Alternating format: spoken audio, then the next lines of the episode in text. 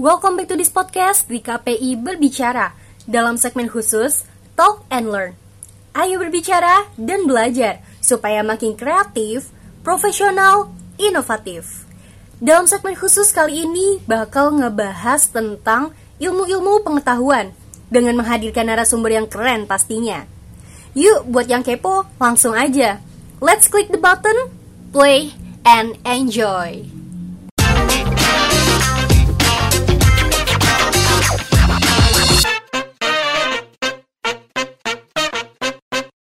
Halo teman-teman semua, kenalin nih Nama gua Rijal selaku host kali ini Di episode ketujuh Talk and Learn Gua akan membahas tentang sejarah dan etika komunikasi nih teman-teman Dan kali ini gua nggak sendiri nih Gua ditemani sama uh, salah satu temen gua nih Yang bernama Alfian Juliansah uh, Gimana kabarnya Bang Oke. Alfian? Alhamdulillah baik. Alhamdulillah baik Lu sendiri gimana Jal? Baik? Alhamdulillah baik Eh, Kesibukan hari-hari ini ngapain aja nih? Ya sama seperti mahasiswa lainnya sibuk ngerjain tugas lah. Oh lah. Ya. Jadi eh, Abang Alfian Juliansa ini yang akan menemani pada episode ketujuh Talk and Learn ini yang akan membahas tentang etika dan sejarah komunikasi. Jadi pada kali ini kita akan membahas tentang etika dan sejarah komunikasi ya, Bang Alfian ya. Iya benar. Ya, sebelum itu kan kita membahas tentang komunikasi nih.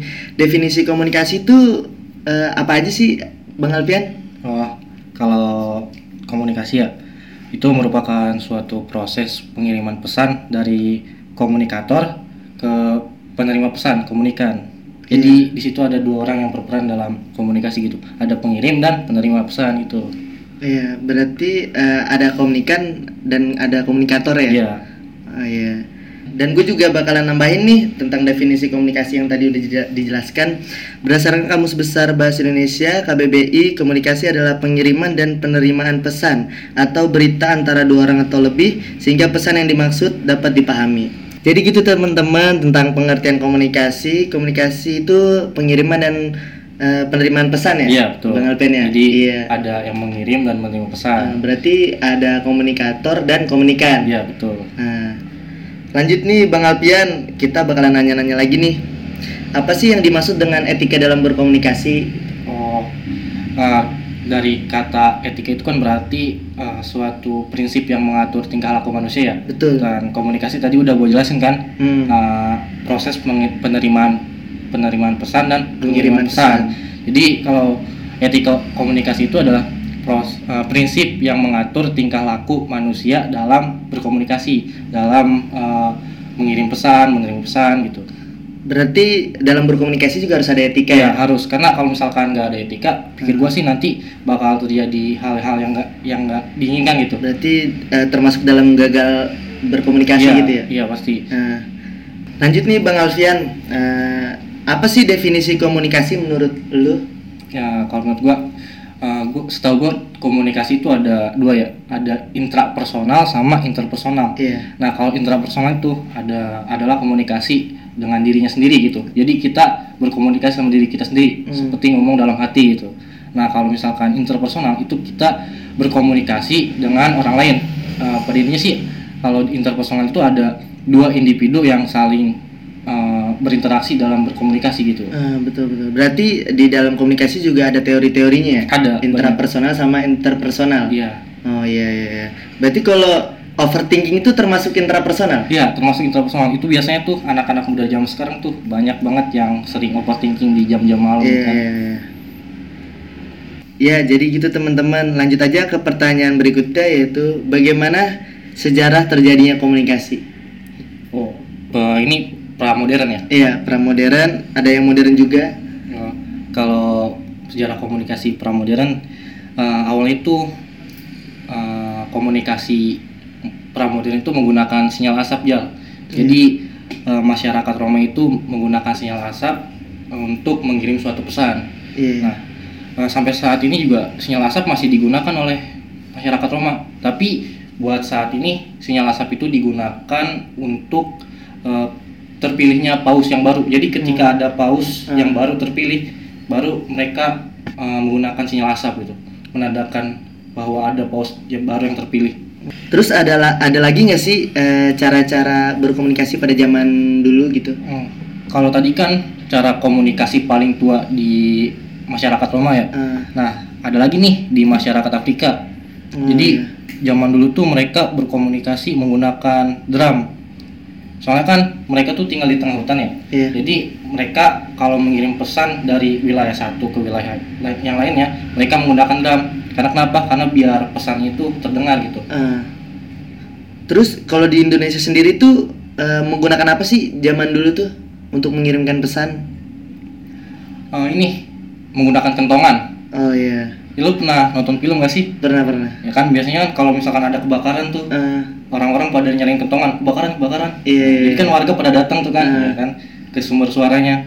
Jadi zaman itu masyarakat kalau misalkan menandakan adanya bahaya tuh pakai kentongan. ya. Iya bener juga tuh, bener bener bener. Berarti apa namanya dari apa di zaman dulu tuh Indonesia menggunakan kentongan untuk berkomunikasi gitu, Iya. menyampaikan pesan Iya. bahwa di situ ada darurat gitu. Iya, benar. Ya. Setelah itu ada cara lain nggak untuk menyampaikan pesan pada zaman dulu? Ada itu pada tahun 101 Masehi. Baru tuh ada orang Tionghoa namanya itu Sailun. Dia menciptakan kertas tuh. Nah, dengan terciptanya kertas barulah bisa tuh surat menyurat.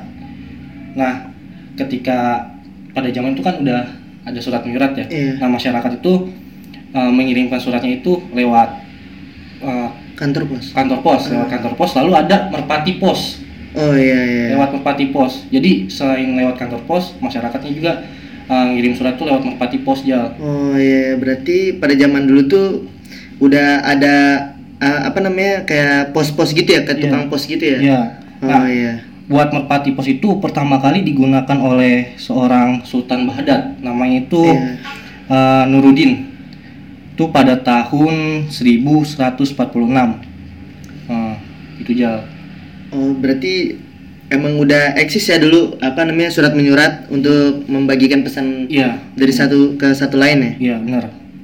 Setelah periode Sultan Baghdad ya yang tadi ya, yang Iya. bernama Nuruddin. Setelah itu ada lagi nggak sih periode selanjutnya? Ya, masih ada yang menggunakan merpati pos sebagai alat komunikasi. Itu ada pasukan perang Amerika. Jadi Hmm. mereka menggunakan merpati pos itu sebagai komunikasi, saling berkomunikasi kalau misalkan ada musuh atau apa gitu. Berarti pada zaman dulu tuh perang itu menyampaikan pesannya menggunakan apa namanya merpati pos tuh Iya, betul. untuk eh, sebagai media komunikasi gitu ya. Iya. Setelah zaman pramodern berarti ada sejarah komunikasi pada zaman modern kan? Iya, ada. Itu gimana sih eh, proses dan alurnya? Yang menandakan komunikasi uh, dari pramodern ke komunikasi modern ya. Itu pada tahun uh, sekitar 1837 ada seseorang yang bernama Samuel Pinley Brace Morse. Nah, dia itu di tahun itu menciptakan suatu alat yang namanya itu telegraf ya. Iya. Nah, alat itu tuh uh, yang dapat mengirim pesan jarak jauh. Hmm. Di alat itu tuh menggunakan sandi Morse Sandi Morse. yang biasa anak-anak pramuka. Eh, iya, Ya. tahu tahu tahu. A titik strip gitu. Nah, itu. Jadi pada tahun itu baru bisa tuh ngirim pesan jarak jauh tanpa harus uh, lewat kantor pos, lewat merpati pos, lewat alat ini orang-orang mengirim pesan. Oh, berarti pada zaman itu diciptakannya telegraf ya? Iya, telegraf. Oh iya. iya. Setelah telegraf diciptakan ya eh, menggunakan sandi Morse. Setelah itu pada zaman-zaman berikutnya ada lagi nggak sih? Ada aja. Itu pada tahun 1849. Iya. Ada seseorang yang namanya Antonio Meucci. Nah, dia menemukan telepon. Iya. Uh, orang zaman sekarang uh, mengenal penemu telepon itu adalah Alexander Graham Bell ya. Iya. Padahal bukan, yang menemukan itu adalah Antonio Meucci. Nah, Alexander Graham Bell itu orang yang mengembangkan telepon. Oh iya. iya. Gitu ya. Berarti mm, yang menemukan aslinya itu Antonio Meucci nih. Iya, Iya. yang mengembangkan baru Alexander Graham Bell. Cuman uh, sampai sekarang yang dikenal sebagai penemu telepon itu adalah Alexa- Alexander Graham Bell.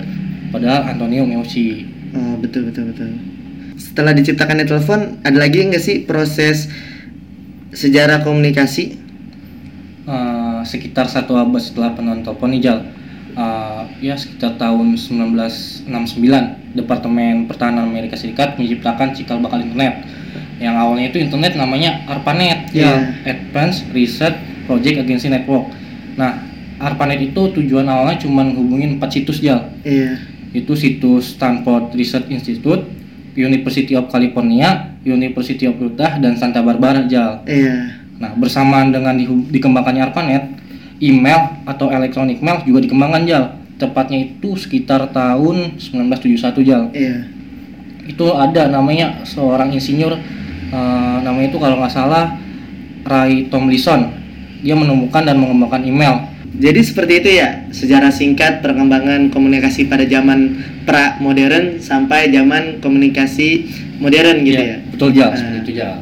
Lanjut aja nih ke pertanyaan selanjutnya. Boleh? Eh, pada zaman ini kan udah zaman teknologi ya, udah banyaknya teknologi yang canggih-canggih gitu. Iya betul. Dengan teknologi yang canggih-canggih ini, gimana sih caranya kita berkomunikasi dengan orang lain tetap terhubung gitu? Eh, menggunakan apa yang lebih efisien dan lebih mudah? Kalau gue pribadi aja, gue buat komunikasi itu gue pakai HP. Iya. Karena kan di handphone tuh kan sekarang udah zaman modern banget kan. Iya. Udah ada Android, Apple. Nah, Ah. di Android kan kita bisa download uh, WhatsApp, Instagram, terus TikTok juga. Iya. Dengan dengan adanya sosmed-sosmed ini ya, Iya. yang memudahkan kita untuk berkomunikasi, pengaruh baiknya itu apa sih Pengaruh dalam baik- berkomunikasi ya? pengaruh baiknya sih ya kita jadi gampang menyampaikan informasi walau kita jauh, Iya. terus kita jadi gampang dapat informasi Iya. walaupun kita jauh sekalipun informasi dari luar negeri nih kita bisa tahu nih di luar negeri tuh terjadi apa aja kita Eh. bisa kan lihat di Instagram tuh banyak beritanya itu Jal. Selain dampak positif, pasti kan ada ya dampak negatif ya iya pasti dari ada lah. sosmed itu. pasti ada Apa aja sih dampak negatif itu? dampak negatifnya kalau se sepik eh, apa ya menurut gua nih dampak negatifnya eh, khususnya sih buat anak-anak muda sekarang nih Jal Iya. anak-anak muda sekarang tuh jadi kecanduan main handphone gitu. Iya. Jadi scroll TikTok sampai berjam-jam, sampai lupa kegiatan sehari-harinya, Iya, iya. sampai tugasnya mereka lupa kan. Tuh dampak negatifnya. Eh, Bahkan juga dampak negatifnya ini bisa apa dapat mengakses video porno. waduh, Itu aja. bahaya juga tuh ya. Iya. Yang seharusnya sosial media itu Digunakan digunakan untuk baik, eh, itu malah disalahgunakan. Iya, betul betul betul. Bahkan juga lewat sosial media jadi gampang buat nipu orang gitu. Eh, jangan ditiru tuh. Iya. Itulah dampak negatifnya. Betul betul betul. Dan dampak negatifnya juga membuat orang yang dekat merasa terjauh nggak sih? Iya betul. Lo pernah ngeliat gak sih Ah. temen lo nih? Padahal samping-sampingan, Iya. tapi dia lebih asik main handphone. Oh, berarti itu dampak negatif ya? Iya. Maksudnya Iya, kan iya. komunikasi yang baik itu kan ketika ada teman kita yang dekat itu kita ngobrol lah, jangan main handphone terus-terusan. Berarti itu termasuk juga dalam etika berkomunikasi gitu. Ya betul, masuk dalam Oke. etika berkomunikasi. Iya, iya. Nah kan tadi eh, kita bahas etika berkomunikasi ya. Iya. Menurut tuh tuh etika berkomunikasi di sosial media tuh kayak gimana sih? Kalau menurut gua sih ya, kita harus tetap jaga tata bahasa kita, jangan sampai bikin sakit hati orang lain. Iya. sekarang kan banyak kasus nih orang komen ke orang lain di misalkan di postingan orang lain Iya. itu komennya yang hujat nih Jal Eh, itu kan secara nggak langsung bikin orang yang di komen itu sakit hati kan sekarang juga ada UU ITE ya Iya. yang mengawasi kita dalam bermedia sosial iya betul betul. kan banyak kasusnya orang yang nggak suka sama presiden kita nih Iya.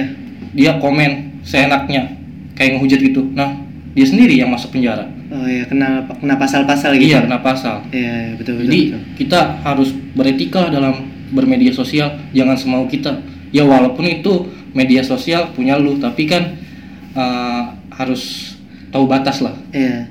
Jadi gitu ya teman-teman. Jadi kita dalam berkomunikasi itu harus ada etikanya. Iya. Jangan sampai kata-kata kita yang dikeluarkan dalam jari dan mulut kita tuh bisa membuat Bumerang. eh, orang lain tuh jadi sakit hati gitu Iya, ya. betul. Iya betul. Oke teman-teman udah banyak nih sharing-sharing dan ilmu yang sudah diberikan oleh narsum kita pada hari ini kepada saya pribadi dan untuk teman-teman semua banyak sekali ilmu yang bisa kita tangkap dan kita ikuti dari Abang Alfian. Untuk kesimpulannya yaitu menurut gue ya kita berkomunikasi juga harus beretika karena pada zaman sekarang banyak banget nih komunikasi yang nggak berjalan sesuai kaidah-kaidahnya seperti head comment atau bahkan postingan yang mengandung unsur sara dan kebencian. Maka dari itu kita harus beretika dalam berkomunikasi. Dan untuk sejarah komunikasi itu, kita sebagai akademisi yang baik harus mengetahui awal mula terbentuknya komunikasi itu sendiri agar kita bertambah wawasan dan pengetahuan tentang berkomunikasi. Oke teman-teman, mungkin untuk episode Talk and Learn pada saat ini usai sampai di sini. Terima kasih untuk Bang Alpian eh, sebagai narasumber pada hari ini. Kembali kasih ya. Dan teman-teman pendengar lainnya. Saya Khairul Rizal dan Bang Alpian pamit undur diri. Terima kasih semuanya. Bye. Terima kasih sudah mau mendengarkan podcast di KPI Berbicara dalam segmen khusus Talk and Learn. Tunggu episode selanjutnya. See you on the next podcast. Bye.